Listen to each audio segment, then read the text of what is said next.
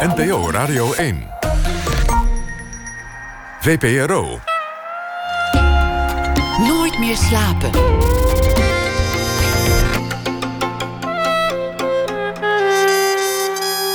Met Pieter van der Wielen.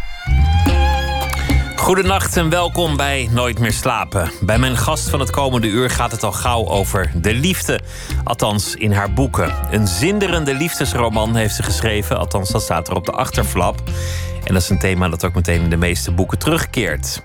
En iets anders, het speelt in een andere tijd. Dat is ook vaker in haar werk. Ook de nieuwe Suzanne Smit is een historische roman. Het gaat over een vrouw uit Amsterdam die trouwt op afstand via de handschoen met een man in Nederlands-Indië vanwege een oproep in de krant. Het wordt geen gelukkig huwelijk daar in de tropen, maar wel schetst het boek een beeld van hoe het leven daar was met alle misstanden die er ook waren.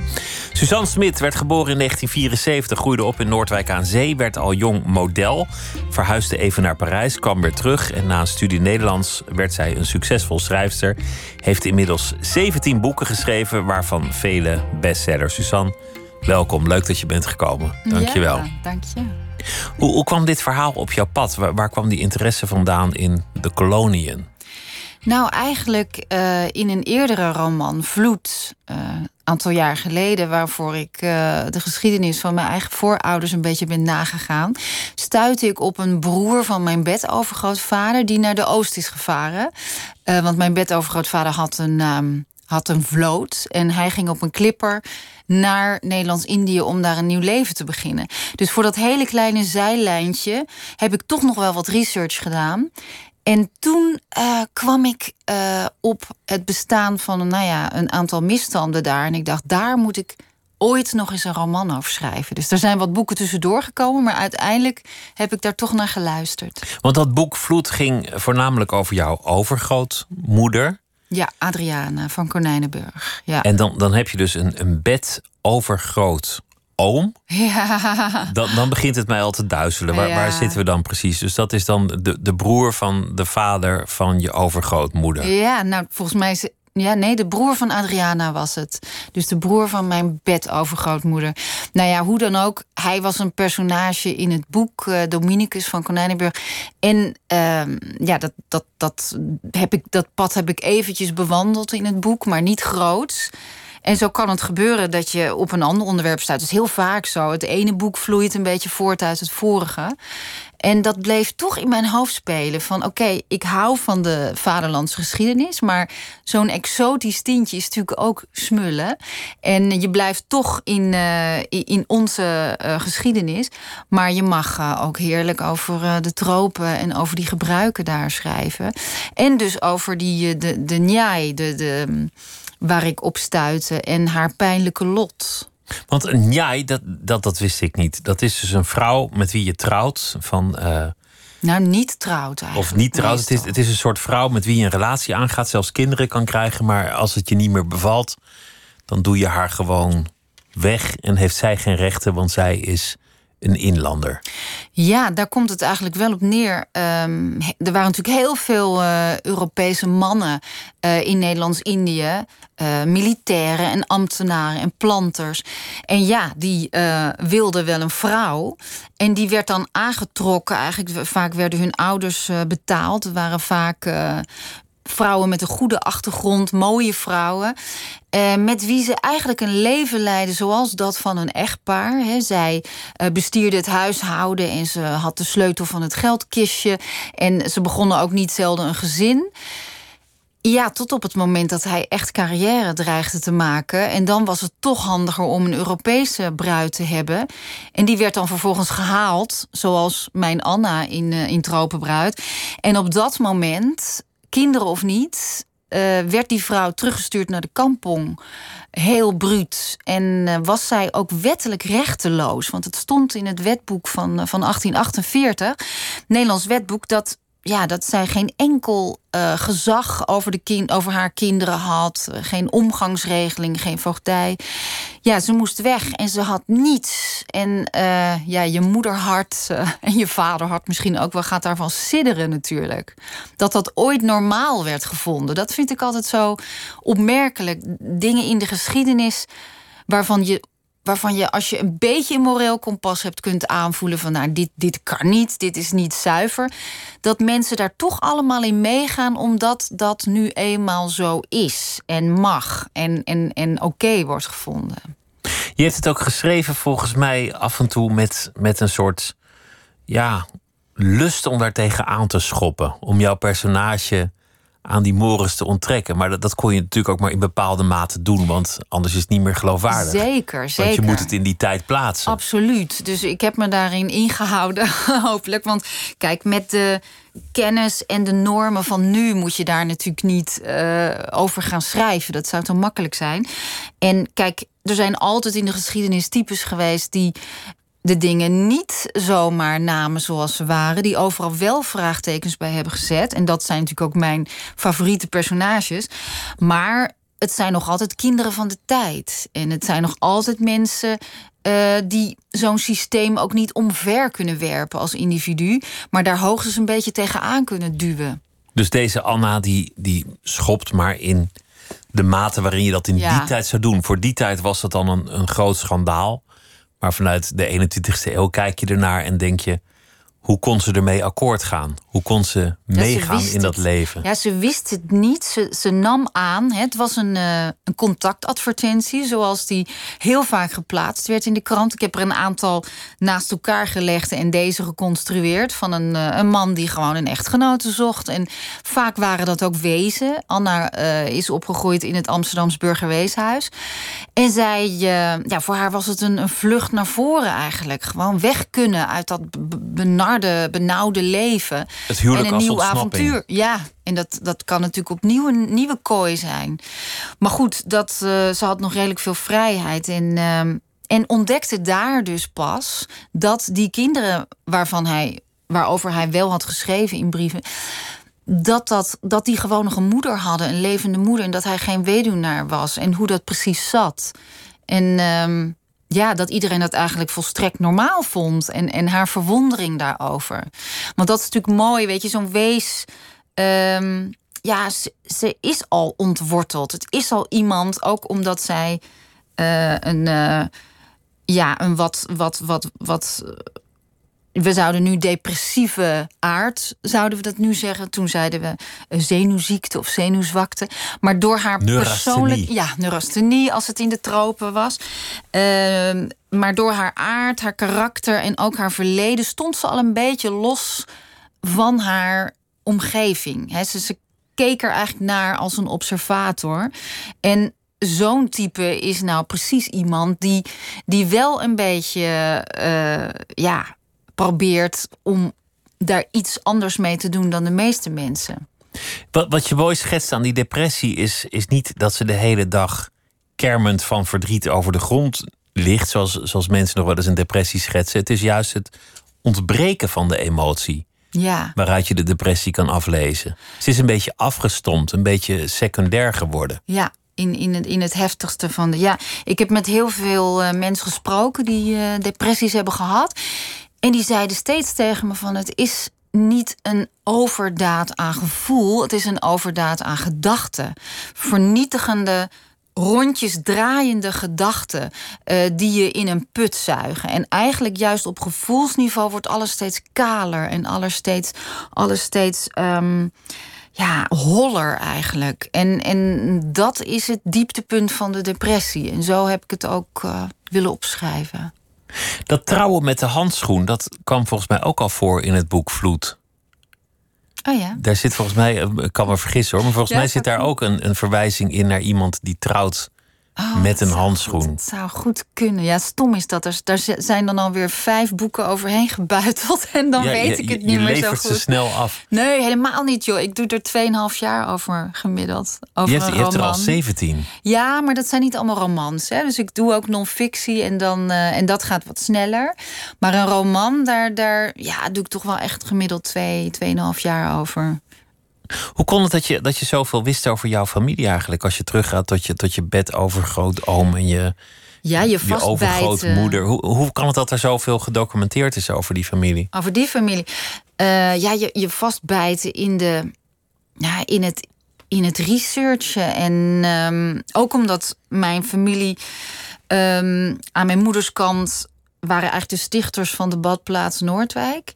Ehm, hij eh, heeft eigenlijk de badkoets uh, geïntroduceerd in Noordwijk, waar mensen dus mee het, het strand opgingen en de zee in om een, eh, een heilzaam zeebad te nemen. En um, hij had een hotel en dus een rederij. En, uh, dus het was wel een prominent figuur in, uh, in de Noordwijkse geschiedenis. In, in dus de overgang van een vissersdorp, want Noordwijk ja. was vroeger net als, als Katwijk en, en ja, andere Scheveningen een vissersdorp, maar ja. is eigenlijk als een van de eerste een mondaine badplaats ja, geworden. En dat botste enorm natuurlijk. Die, ja, die, die, die vissers, en dat is dan weer de lijn van mijn vader. Die keken heel raar naar, naar die mensen die uh, ja, zich gingen verpozen uh, hè, en niets doen. En, en dat, dat kenden ze natuurlijk helemaal niet. Maar ja, die badplaats, dat, wat, dat is toch de toekomst gebleken. En dat was jouw familie die als eerste op het idee kwamen van je kan vis vangen, maar je kan ook gewoon toerisme bedrijven. Ja, zeker. Ja, en, dat, uh, en, en ja, door, door de hotels die ze hadden. En uh, dat ze merkten dat dat aansloeg. En uh, ja, dat was begin 20e eeuw was dat iets nieuws, vrije tijd. En hoe ging je dat invullen? En, en ook allerlei ziektes die dan ehm, verdreven zouden kunnen worden door de, door de heilzame zeelucht in te ademen. Een soort sanatoriumgevoel, zeg maar. Dus dat vond ik interessant. Ik ben in Noordwijk opgegroeid en uh, ja, daar, daar, daar, ja, als je historische romans schrijft, zoals ik dat al een tijdje deed, dan is dat natuurlijk wel een, uh, een appeltje. Hoe zeg je dat? Een kolfje naar mijn hand. Dus je, geeft, je maakte daar ook een, een liefdesverhaal van. De overgrootmoeder die die sloot een, een alliantie die niet gewenst was. Die werd min of meer verbannen, kwam Ja, later weer terug. Zeker. Had een affaire, een, een, een on- onstuimige liefdesgeschiedenis. Ja. Die Wat- wat- liefde komt er altijd weer Er in. komt altijd liefde Die sluipt in. links of rechtsom altijd in die boeken van mij. Ja, dat, dat, ik, ik weet niet hoe dat komt. Ja, ik weet eigenlijk wel hoe het komt. Dat komt gewoon door mijn fascinatie met de romantische liefde. En ehm, eigenlijk ja, is het een thema in mijn eigen leven waar ik heel vaak op stuk gelopen ben. Wat ik, wat ik, ik heb, ben in alle mogelijke valkuilen gestapt. Eh, ik ben ook heel lang uit de weg gegaan. Eh, eigenlijk eh, pas rond mijn dertigste. daarvoor had ik een hele lange relatie met, zou je kunnen zeggen, mijn beste vriend. En, en ja, daarna pas ben ik eens rond gaan kijken, zeg maar. En ja, die hele dynamiek van de romantische liefde, van die, die, die giftige cocktail, zeg maar, van verlangens en, en behoeften en passie en ehm, al die dingen. Ja, waar, waar, je, waar de reden helemaal niets meer mee te maken heeft. Eh, Dat, dat boeit mij toch heel erg. En het is, het is een heel mooi dramatisch gegeven, vaak ook in een roman. Het is ook een, een, een snelle manier om iemand iets te laten doen. Vanwege de liefde zullen mensen heel snel kunnen beslissen, bijvoorbeeld om naar een ander continent te verhuizen. Of, of om, eh, om een andere carrière na te streven. Of andere grote veranderingen ineens in gang te Ja, zetten. je bent tijdelijk gek, eh, natuurlijk het, het is gewoon een, soort je- psychose. Is het. Ja, dat is het. Maar wel een functionele psychose. Want als er iets mensenlevens in gang zet, dan is het toch wel liefde. Ja, dat geloof ik ook. Het zet de dingen in beweging. Het kan ook heel vernietigend zijn natuurlijk voor eh, de orde waar je in zit. En, eh, maar het is iets eh, ja, redeloos en iets, iets, iets ehm, magisch toch ook wel, omdat je het niet kunt voorspellen. En omdat inderdaad mensen bereid zijn om er heel veel voor in de waagschaal te stellen. En omdat we het nooit helemaal begrijpen hoe het zit. En dat, dat maakt het tot een mooi thema, vind ik. In elke roman. Zelf ben je vorig jaar getrouwd. Ja, Waar, waaruit ik dan de conclusie afleid dat, dat het allemaal gelukt is in de liefde. nou, ik ben eindelijk gewoon goed terechtgekomen. Ja, ja nee. je- zeg je daarmee dat je er beter in wordt met de jaren? Ja, ik, ik denk, eh, zoals bij iedereen, kijk, ehm, als je ergens kennelijk eh, ja, lessen in te leren hebt, moeizaam, hè, met vallen en opstaan, dan, eh, en je bent reflectief van aard, zoals ik dat ben, eh, dan, dan heb je daar echt wel op een gegeven moment iets over te vertellen of zo. En dus Eh, dus kan ik daar goed over schrijven, denk ik. Eh, en, en kan ik daar genuanceerd over schrijven, van, vanuit alle hoeken. En, ehm, nou ja, en in mijn eigen leven heb ik natuurlijk ook nagedacht van hoe zit het nou met mijn eigen houding in de liefde? Hè? hoe, hoe komt dat? Ik, ik, ik heb ben ook een keer echt wel in een grote crisis uh, geraakt. Toen uh, de, de, vader van mijn kinderen wegging. Daar heb je ook over geschreven? Ja, met uh, Marion Pauw heb ik Hotel Hartzeer over geschreven. En toen hebben we allerhande deskundigen ook gevraagd naar hoe liefdesverdriet te boven te komen. Van, uh, nou ja, van hoogleraar uh, sociale wetens psychologie tot aan uh, breinwetenschappers en, en alles eromheen. Maar ook onze eigen ervaring opgeschreven. En um, ja, daardoor. Um, omdat je in zo'n crisis zit, um, kun je ook besluiten om niet alleen te overleven en weer door te gaan als het weer een beetje gaat, maar om gewoon ook die crisis te benutten. Door echt gelijk maar helemaal uit te gaan, te gaan ontrafelen. Hoe je houding in de liefde is, wat je hechtingspatroon is. Uh, je, mijn manbeeld, uh, huwelijk van je ouders, hè, hoe dat je beïnvloedt en al die dingen. En dan kom je daadwerkelijk echt verder. En dan kun je dingen bij jezelf oplossen, waardoor je misschien wel een stapje verder komt. Verder komt. Ja. Het, het huwelijk van je ouders, want je groeide op in Noordwijk aan Zee. Ja. Een familie van, van hotelhouders, horeca mensen mensen die allemaal toch in het toerisme werkten voor een groot deel? Ja, badman. Mijn vader was badman. En mijn broer ook. En mijn oom, opa ook. En mijn oom. Dus een geslacht van badmannen. Van mannen die de zee door hun haren moeten voelen. En, uh, Wat doet een badman Een badman eigenlijk? die heeft, um, die, uh, heeft een, zo'n huisje... waar je dus uh, schermen en stoelen kan huren. En die, die zijn de hele dag buiten. In de, tussen de, in de elementen. En ja... Ik zie meteen een hele mooie man voor me, met zongebruind. Ja, mijn vader Gespierd was van ja. het sjouwen van al die strandstoelen. Ja, ja, dat klopt wel een beetje. Ja. En hij zoop. Ja, dat ook, ja. Dat doen ze ook graag. Ja. Is, is, dat, is dat een gelukkige herinnering voor jou? Ja, het strand is altijd nog steeds een hele blije tijd geweest. Echt, uh, ik herinner me altijd wel Um, van die avonden dat op een gegeven moment iedereen wegging. Dat was in die tijd nog om zes uur. Hup, sloot de tent, iedereen weg van het strand. En dan had ik het gevoel, zo, nu is het weer van mij. En uh, bleven we daar vaak eten, zelfs ook wel slapen. Dus dat strand, daar ben ik echt in opgegroeid, ja. En toen, uh, ja, ik heb daar ook wel echt mooie herinneringen aan. Ja. Maar je, je, zei het huwelijk van je ouders heeft een grote invloed op je eigen liefdesleven. Was het een gelukkig ja, huwelijk? Bij iedereen, denk ik. Ja, ik Tuurlijk. denk dat het, het, het voorbeeld, het eerste voorbeeld wat je hebt, is toch onbewust wordt dat de norm. En je kunt daar zelf enorm uh, van af proberen te wijken en het beter doen en anders doen. Maar toch in je achterhoofd blijft dat het normale.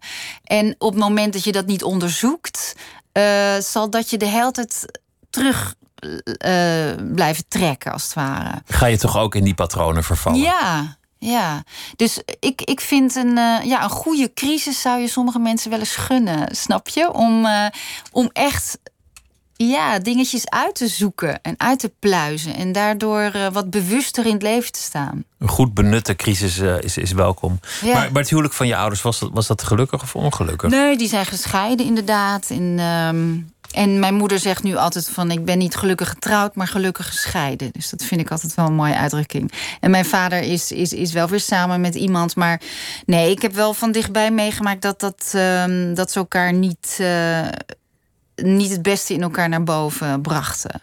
Wat deed jij dan? Vluchten het strand op? Of, of proberen zo snel mogelijk weg te komen? Of... Ja, uh, ja, mijn moeder heel erg steunen eigenlijk. En... Um, ja, ook wel, wel weg willen uit Noordwijk. Maar dat had ook meer het, het, hele.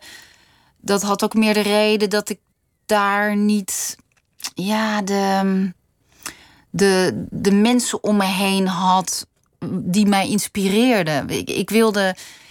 Ik, was een, altijd, ik ben altijd een lezer geweest. Ik las de hele bibliotheek leeg. En wij thuis lazen ook altijd veel.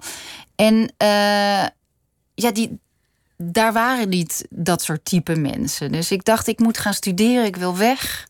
En uh, nou, dat heb ik ook gedaan. Was het ook, was het ook een manier om, om te ontsnappen aan het leven, aan de wereld, aan, aan de scheiding van je ouders? Ja, lezen, fantaseren, in, in een andere wereld wegdromen. Ja, dat zou wel, dat zou je, daar zou je wel eens gelijk in kunnen hebben. Ergens is het altijd een, een, een, een vakantie van je eigen gedachten natuurlijk. Je mag even in andermans schoenen lopen. En, en de wereld uh, uh, wordt ineens veel groter als je, als je vanuit je uh, leunstoel boeken kunt lezen. En ja, wat ik ook altijd mooi vond en nog steeds vind, is dat er woorden in voorkomen die nooit om je heen worden gebruikt. En dat je denkt, ja, maar dit woord is precies wat wat het omvat wat ik wel eens voel of bedoel. Le mot juste, het juiste woord op de juiste plaats. En daar kan ik nog steeds ook als schrijver heel erg gelukkig van worden. Gewoon puur het ritme van de zinnen, de schoonheid van woorden en, en, en de enorme woordenschat die we hebben en die we maar misschien, waar we er maar 20% van gebruiken in het, uh, in het dagelijks leven. Iemand kan iets precies zo omschrijven dat je denkt, ja, daar heb ik nooit zo aan gedacht, maar dit is zo. Ja, of, of eigenlijk kan het een soort onbewuste kennis in jou aanboren en, en resoneren. En dan denk je, zo zit het. Ja, dat is, dat is. Ja, sommige schrijvers kunnen echt vrienden van je worden. Ik kan echt voor mijn boekenkast staan en denken: nou, met deze persoon wil ik mijn avond doorbrengen. Ik ben een enorme herlezer. En uh, ja, schrijvers kunnen echt aanvoelen als vrienden, vind ik. Maar je zei, ik wilde studeren en, en, vanwege dat lezen en dat schrijven. Maar je hebt eerst nog een modellencarrière Nou, ik, ik, heb dat, ik, ik was uh, van het strand geplukt, inderdaad. Het, het, is mij eigenlijk allemaal een beetje... Van het strand geplukt? Ja, door een fotograaf, weet je wel. Zo van, jij moet... Uh, jij moet eens foto's laten maken. Jij moet eens mee naar dit modellenbureau. En vervolgens zeiden ze bij dat modellenbureau: er is interesse voor je in Parijs. Dus je moet maar eens daar naartoe gaan. En dat heb ik allemaal wel geprobeerd en ook wel gedaan. Maar ik dacht, toen ik daar zat, dacht ik, ja, ik uh, moet uh, gewoon lekker gaan studeren en terug. Het klinkt, het klinkt als een, een, best gevaarlijk avontuur. Ja, ja, ja. Zeker, want ik was ook nog heel jong. En uh, totaal naïef natuurlijk. Uh, maar het was nooit mijn eigen droom. Hè? Het is nooit zoals je wel eens hoort van meisjes nu. Nooit een, een. Ik wilde er ook niks voor laten, zeg maar. Ik, ik, het was niet iets wat ik ambieerde. En ik had al echt heel erg in mijn hoofd.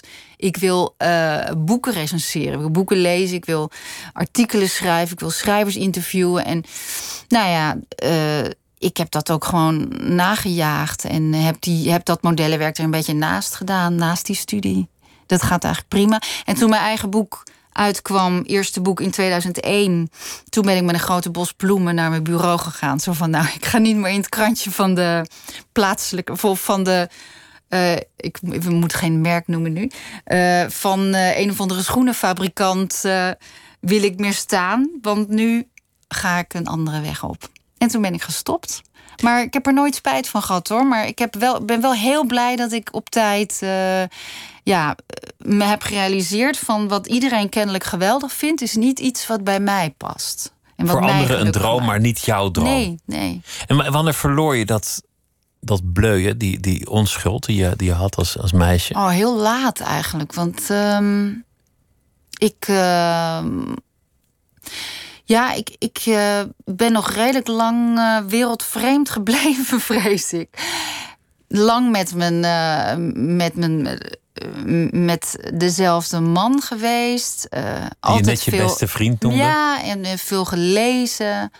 Um, ja, in die zin uh, hebben wereldse zaken mij nooit zo geïnteresseerd. En uh, vond ik in Amsterdam ook echt een groep vrienden met wie ik eindeloos kon bomen over, over boeken en over kunst en over andere dingen. En Weet je, nog steeds, ik bedoel, ik lees de krant en zo, maar nog steeds hè, de dingen waarvan altijd wordt gezegd dat je ze belangrijk moet vinden. Hè, de, die de wereld hele tijd in je gezicht duwt. Van kijk hiernaar, lees dit en actuele zaken.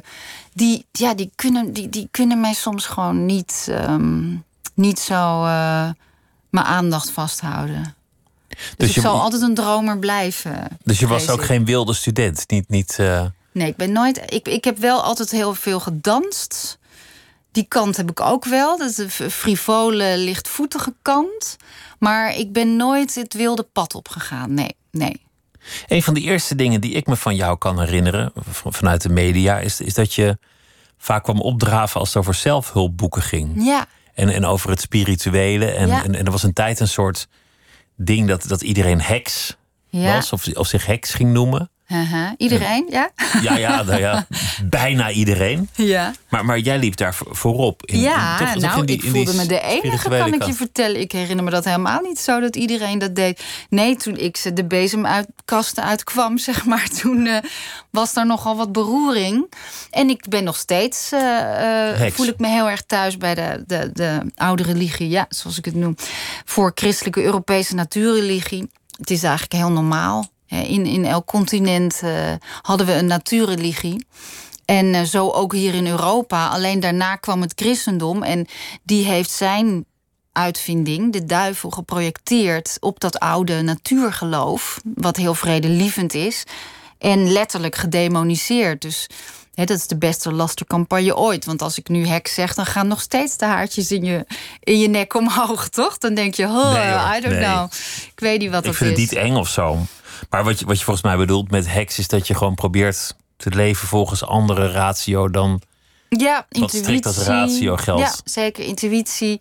eh, ja, eh, de, de maan, cycli. ehm, ja, de, de jaarfeesten vieren, de kortste dag, langste dag. Het is allemaal voor mij heel natuurlijk en logisch. En helemaal niet zo... ehm, ja, Niet zweverig. Nee, nee. En, en ik heb inderdaad heel veel boeken ook over. eh, ik zou het zelf geen zelfhulp noemen, maar eh, ja, persoonlijke ontwikkeling geschreven. Maar altijd met een, ja, met een, ehm, een beetje kritisch, hoekig kantje eraan. Nou, in de spirituele wereld vindt men mij altijd heel nuchter. En in de andere wereld vindt men mij altijd heel zweverig. Dus dan denk ik, nou, dan begeef ik me misschien in een mooi midden. En eh, zo ben ik het ook altijd blijven doen. Mijn laatste boek op dat gebied was, eh, was eh, Laat het los en andere tegelsprookjes. En dat ging over juist dat we zo makkelijk met al die spreuken strooien, die mooi klinken en verheven klinken, maar dat dat, eh, ja, dat het helemaal geen hout snijdt en dat het allemaal veel genuanceerder ligt. Het is, het is een beetje verpest door, doordat bedrijven ineens en masse gingen doen. En ja, dat- die dat theezakjes en zo. ja, dat werknemers van, Ja. van allerlei, ook bij de omroep, ineens op cursus moesten. Ja. En, en er stond er weer iemand een beetje ja, in clichés te praten. Ja, ja, maar die clichés zijn, zijn de ellende. Want eh, bijvoorbeeld laat het los, hè, die spreuk, wat mensen zo makkelijk zeggen. Dat, is, dat kan, als dat prematuur tegen iemand gezegd wordt... die in een proces zit van verwerking... is het juist het stomste wat je kan doen. Hè, je, het gaat erom om te doorvoelen juist. En om ehm, ja, misschien uiteindelijk op een punt te komen... dat je het niet meer krampachtig vasthoudt. En dan laat het jou los. En zo worden er veel te makkelijk van die, van die mooi klinkende spreuken als een soort Hello Kitty pleister op een stinkende wonde geplakt. Weet je wel, verder willen zijn dan je bent, positiever willen klinken dan je je eigenlijk voelt. Hè? En, en, en ja, ik, ik vind dat helemaal niet altijd een goed idee. Je moet ook toestaan dat het lelijk kan zijn en dat Ja. het niet goed kan gaan. En niet zoeken naar een quick fix en daarvoor zo'n boek pakken. Precies. Wat, wat was jouw motivatie om, om je zo te verdiepen in het zelfhulpboek? En waarom kwam jouw interesse daarvoor ineens Oh jee, ik heb echt in mijn eh, puberteit was ik een ontzettende zoeker. Eh, ook op het gebied van eh, religie. Ik heb, ik heb ze allemaal onderzocht.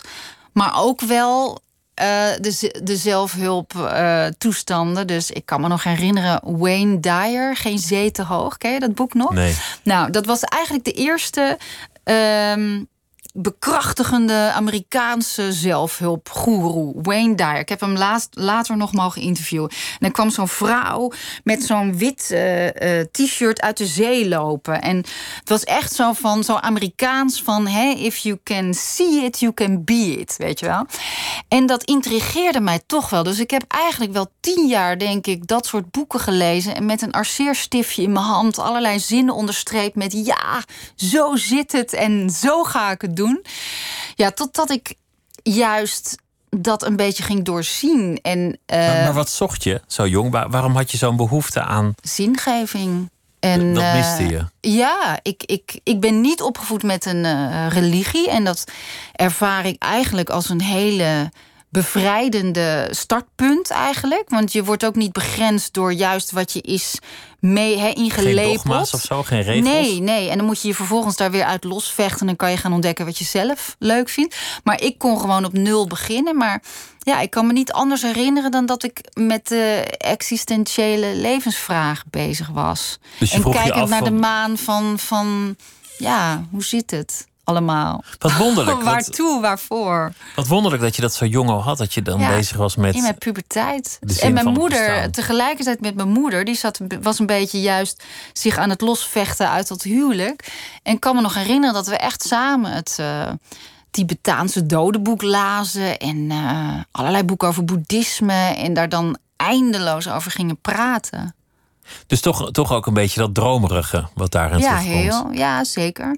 Nee, ik, zie, ik ben ook wel echt een dromer, maar ik ben ook wel iemand die kan manifesteren. Als het gaat om eh, een boek schrijven, dan ben ik heel conscientieus ook echt met dat boek bezig op een hele tastbare manier. Het is, mijn plannen breng ik meestal wel tot uitvoer.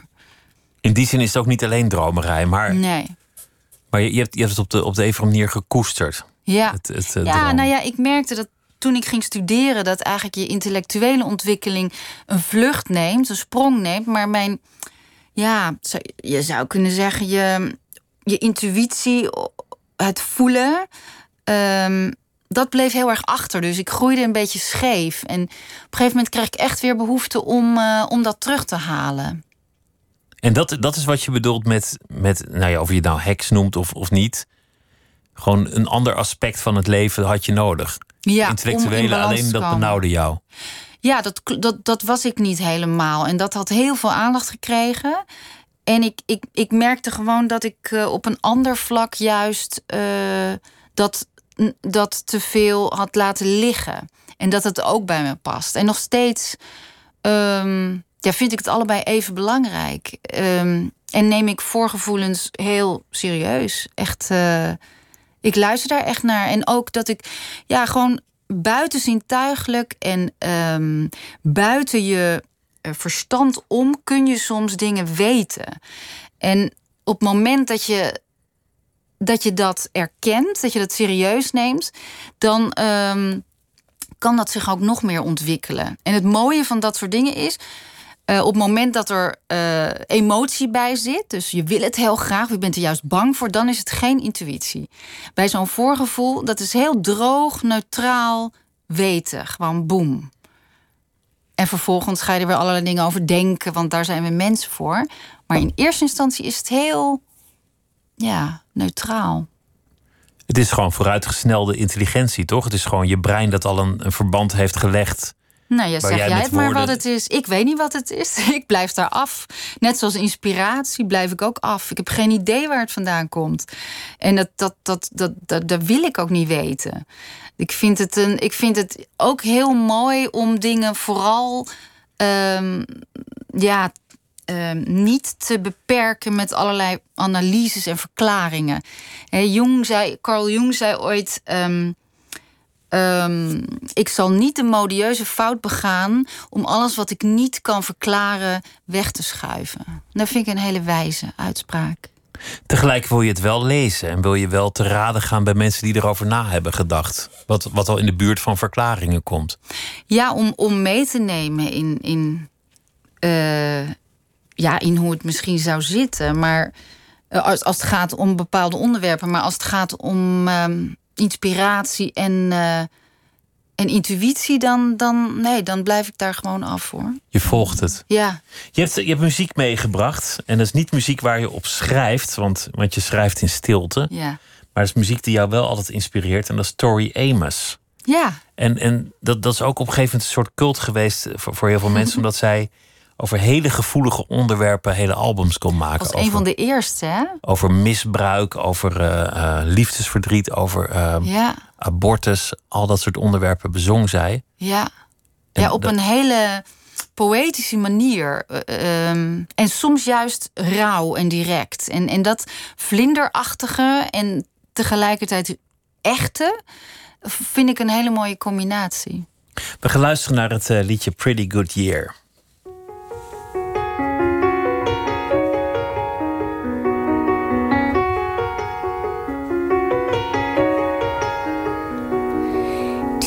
On the sleeve of a man. Don't wanna be a boy today. I heard the eternal footman bought himself a bike to race. And Greggy writes letters and burns his CDs. They say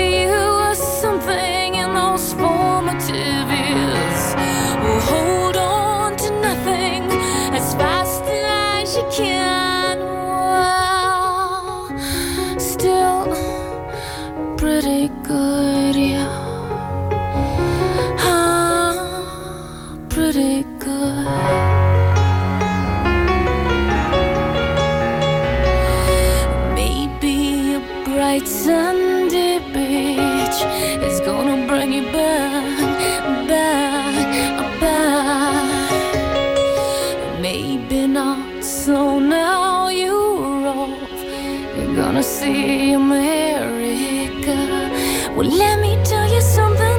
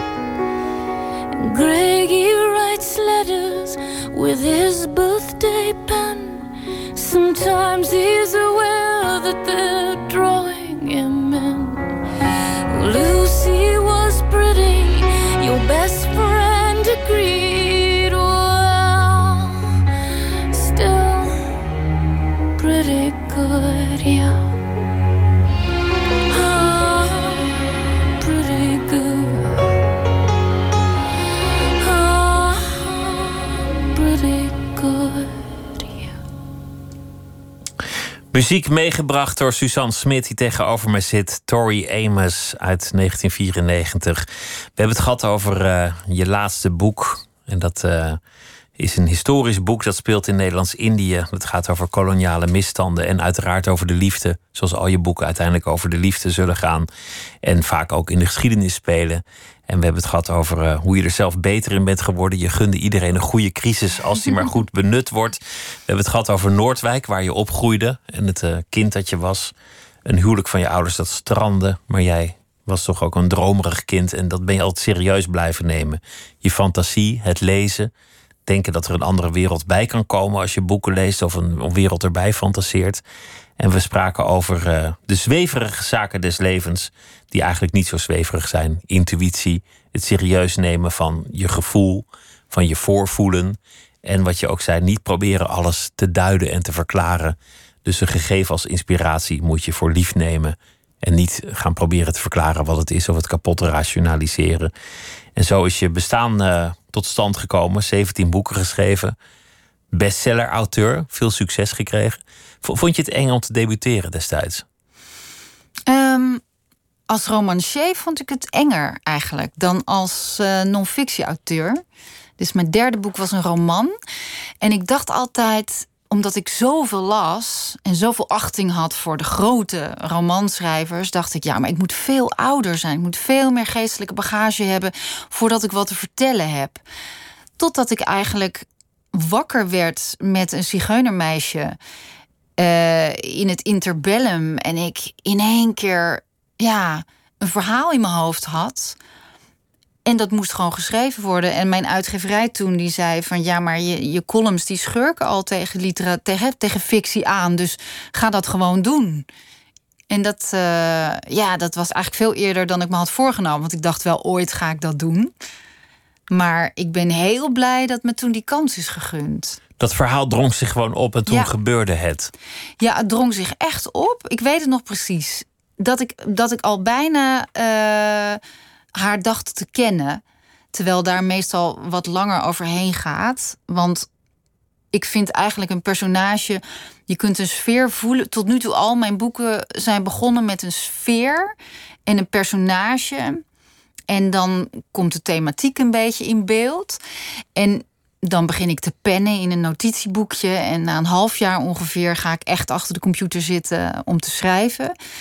En zelfs dan nog, terwijl ik ben begonnen, uh, openbaren die uh, personages zich aan me. Net als een soort vriendschap. Ik vind, ik leer een personage ook kennen, net alsof het een vriend is. Uh, dus gaandeweg, als je meer dingen met iemand meemaakt, leer je beter voorspellen hoe iemand reageert en wat hij zou doen. Dus ik heb ook wel heel vaak gehad dat ik in hoofdstuk 5 dacht van... oh, maar nu begrijp ik die persoon. En dat ik dan opnieuw ben begonnen. Want dan weet ik inmiddels dat hij dat helemaal niet zou doen... wat ik had bedacht in hoofdstuk 1. Je leert ze kennen, je leert hun gedrag kennen... maar je doet ze ook allemaal gruwelijke dingen aan. Je, je, bent tegelijk ook een soort god en satan... in een die personages voor hete vuren smijt. Ja, en tegelijkertijd verrassen ze mij ook met dingen. Zoals Anna, dat zij een depressieve aanleg had. Dat, dat, dat, dat kwam al vrij snel naar voren dacht ik echt, ach kind, maar je moet al zoveel meemaken. Moet dat er nou echt nog bij? Toen heb ik toch maar geluisterd ernaar, gewoon maar doorgeschreven. En uiteindelijk bleek dat een sleutelrol te hebben ook in haar, uh, in het boek, in het plot, in, in haar verblijf in Nederlands-Indië. Dus zo zie je maar, je moet altijd luisteren naar je personages. Want anders gaan ze dwars liggen en dan gaat het helemaal mis. In dit boek zit, zit misschien ook wel een soort activistische grondslag. Of een milde verontwaardiging. Feministische. Feministisch, maar ook wel antikoloniaal. Want dat, dat speelt ook nog steeds wel in onze wereld. Ja. Dat koloniale sentiment dat je beter bent dan een ander... of het recht hebt om over een ander te heersen. Ja. Zijn we niet helemaal vanaf gekomen op planeet Aarde. Nee, en, uh, maar mijn ja, verontwaardiging... en ieder weldenkend mens, denk ik... is dat ja, dat er hier mensen naar de oost gingen vanuit de laagste klasse, zeg maar. En daar van de loopplank kwamen, van de boot kwamen. En daar in één keer een, een hogere status hadden dan de, de, de inheemse aristocratie, bij wijze van spreken. En ja, dat er, dat er zo minachtend werd gedaan over bijvoorbeeld hoe zo'n jij zich tot haar kinderen verhield. Dat ze zeiden: Ach, maar die bruintjes die hechten zich niet zo aan hun kinderen. Dat vinden ze niet zo erg als ze uh, van gescheiden worden. Weet je, dat werd gezegd, dat werd gedacht. En dat heb ik vervolgens ook zo opgeschreven. Juist om te laten zien van. Luister, nu kunnen we dat heel goed wegzetten als hoe is het mogelijk. Maar vergis je niet, in onze eigen tijd hebben wij onze eigen blinde vlekken en onze eigen vooroordelen en overtuigingen ja, die ons worden opgedrongen en waar we in meegaan. Dus het belang van een kritische geest en van enigszins losstaan van je tijdgeest vind ik altijd heel belangrijk. En het schrijven van historische romans werkt daar heel goed voor, want dan kun je het scherp aanzetten en laten zien um, hoe anders er toen gedacht werd. En het enge hieraan is, dat het, dat het in het eigen gezin, in de eigen intimiteit was. Hoe je omgaat met een kolonie, daar kan je nog wel iets bij voorstellen. Maar dit gaat over mensen met wie je kinderen opvoedt. Mhm. Of met wie je zelfs kinderen baart. Of, of, mensen die voor jouw eigen kinderen zorgen. Dus die heel nabij zijn, die ook ja. meereisden naar Nederland. Die je vervolgens rechteloos terug naar de kampong kunt sturen als je eigen carrière daarbij gebaat is. Ja, en ehm, die um, afweging tussen um, wat wil de gemeenschap van mij, hoe krijg ik status en, uh, en, en goede carrièrekansen. En, ga ik eigenlijk mee in het systeem?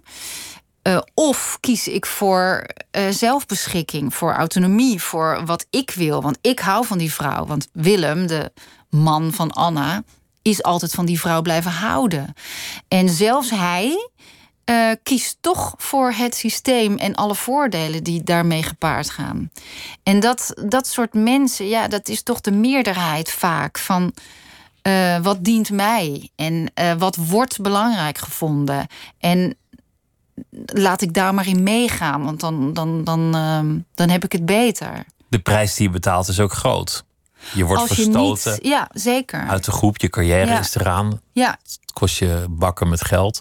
Ja, de prijs van zelf. Er is altijd een prijs aan zelfbeschikking. Ehm, inderdaad, zelfs nu nog. ehm, alleen al ja, in harmonie verkeren met je omgeving of. ehm, eh, of status willen of dat soort dingen aanzien. Dat, dat, daar moet je van afzien.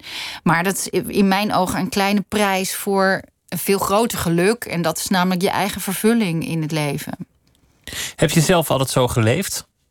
In dienst van je eigen vervulling? Kan, Nou, kan je met trots omkijken tot nu toe? Ja, want kijk, het leven van een schrijver is eigenlijk heel autonoom. Niemand vertelt mij waar mijn volgende boek over moet gaan. Ehm, ik, ik kan leven van de pen. Dat is een, een, een totale luxe. Dat be- Dat besef ik me ook goed. eh, zelfs ook binnen het schrijversgilde, zeg maar. Eh, ik mag wat eh, boeken bespreken ergens op tv. En ik heb een kolompje hier en daar. Maar, en ik, ik geef lezingen. Maar het is allemaal het, gaat, draait allemaal om de literatuur die ik zo lief heb.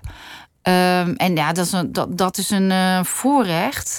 Dus ik kan mezelf trouw blijven. Maar nou ja, neem, we hadden het net toevallig over dat rare modellenverleden. Ja, dat heb ik heel makkelijk de rug toegekeerd. Want het was niet mijn droom, zoals jij zo mooi zei. En als het niet jouw droom is, maar andere mensen vinden dat dat het beste is wat een jong meisje kan overkomen. Nou, dan moet je heel hard wegrennen. En ik dacht, ik wil eh, in rokerige kroegen over Multatuli eh, hebben.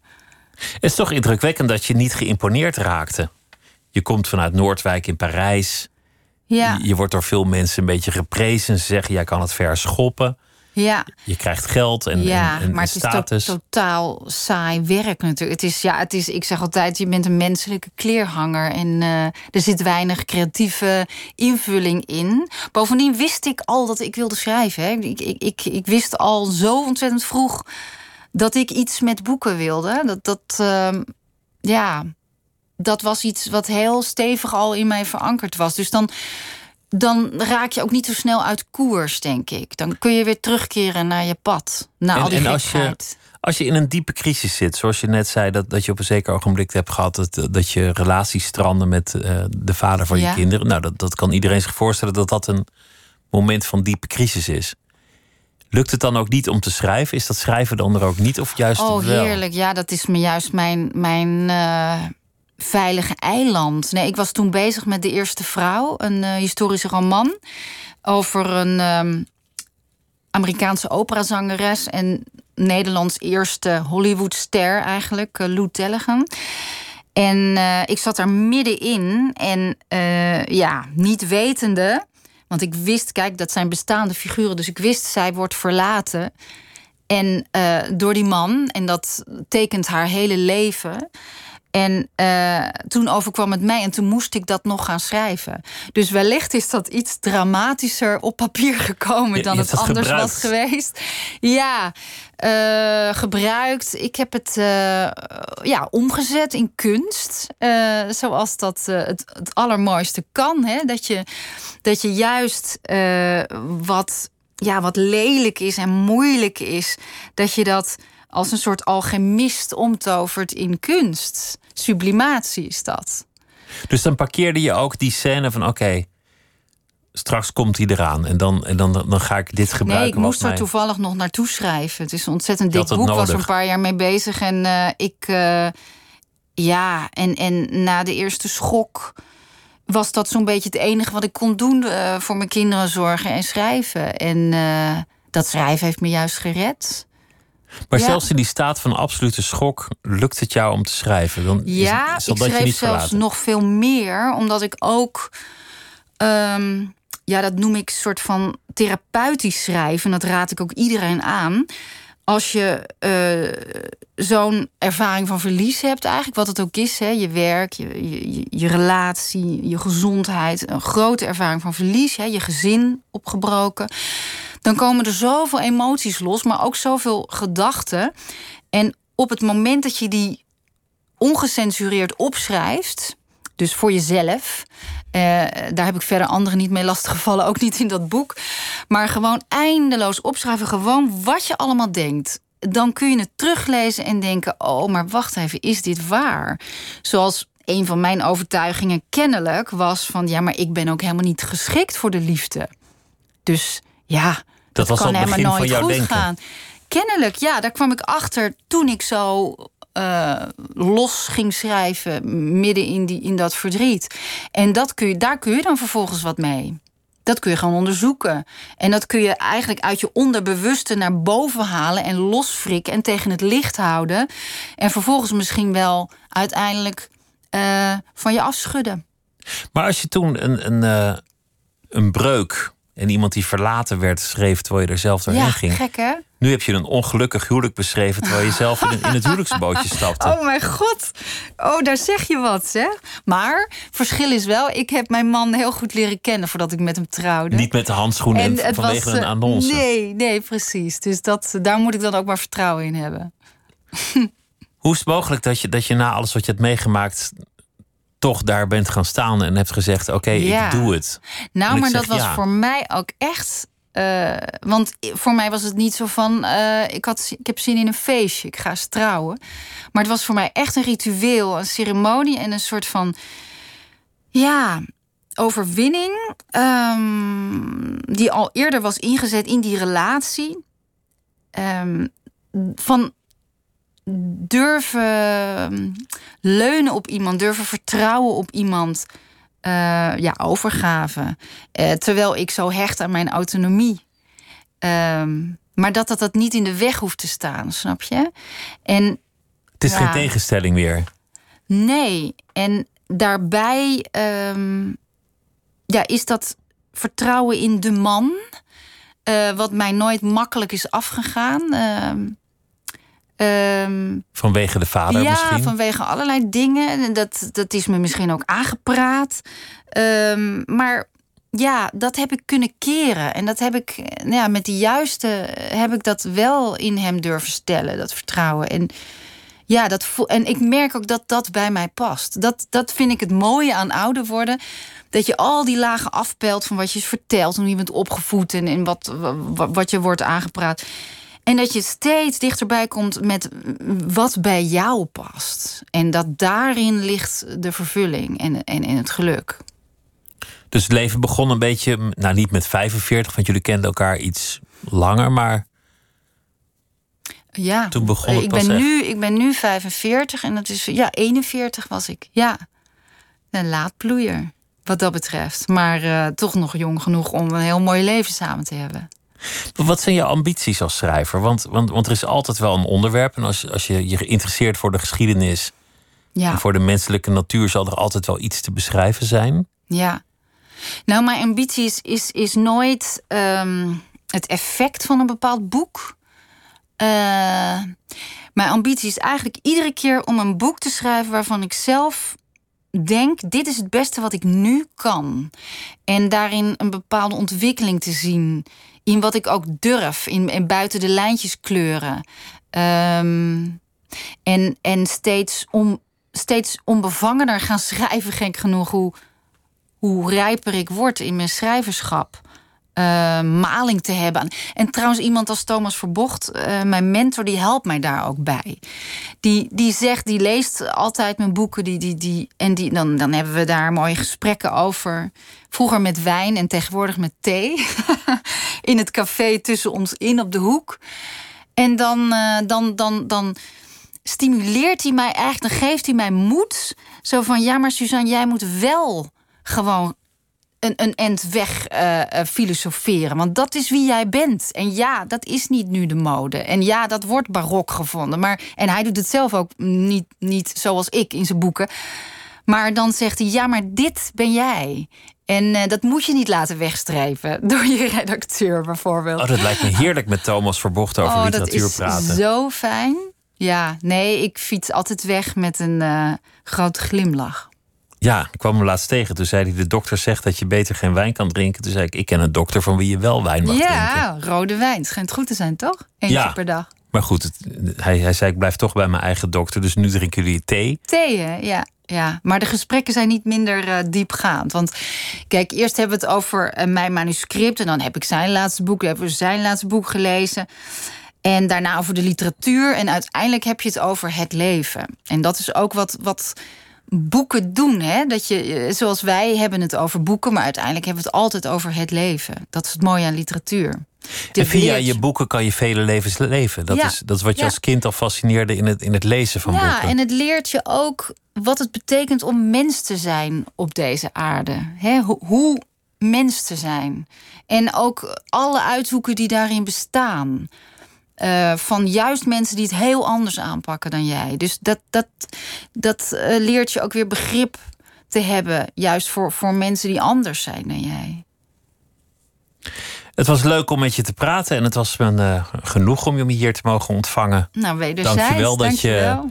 dat je wilde komen. En het boek dat heet eh, Tropenbruid. En dat is het nieuwe boek van Suzanne Smit die tegenover mij zat. Dank je wel. Heel en veel succes met alles wat verder gaat gebeuren. En zometeen dan eh, kunt u luisteren naar Miss Podcast. Misha Blok die ontvangt eh, muzikant Paul de Munnik. En eh, die laat horen wat zijn favoriete audiofragmenten, podcasts en radio-uitzendingen zijn. En morgen dan is Ronit Palash te gast. Hij heeft een eh, bundel gemaakt in de reeks eh, Privédomein... met allerlei teksten van Isha Meijer over eh, zijn leven. En de titel daarvan is... Ik heb niets tegen antisemieten. Ik leef ervan. Dat allemaal morgen in Nooit meer slapen. Voor nu wens ik u een hele goede nacht.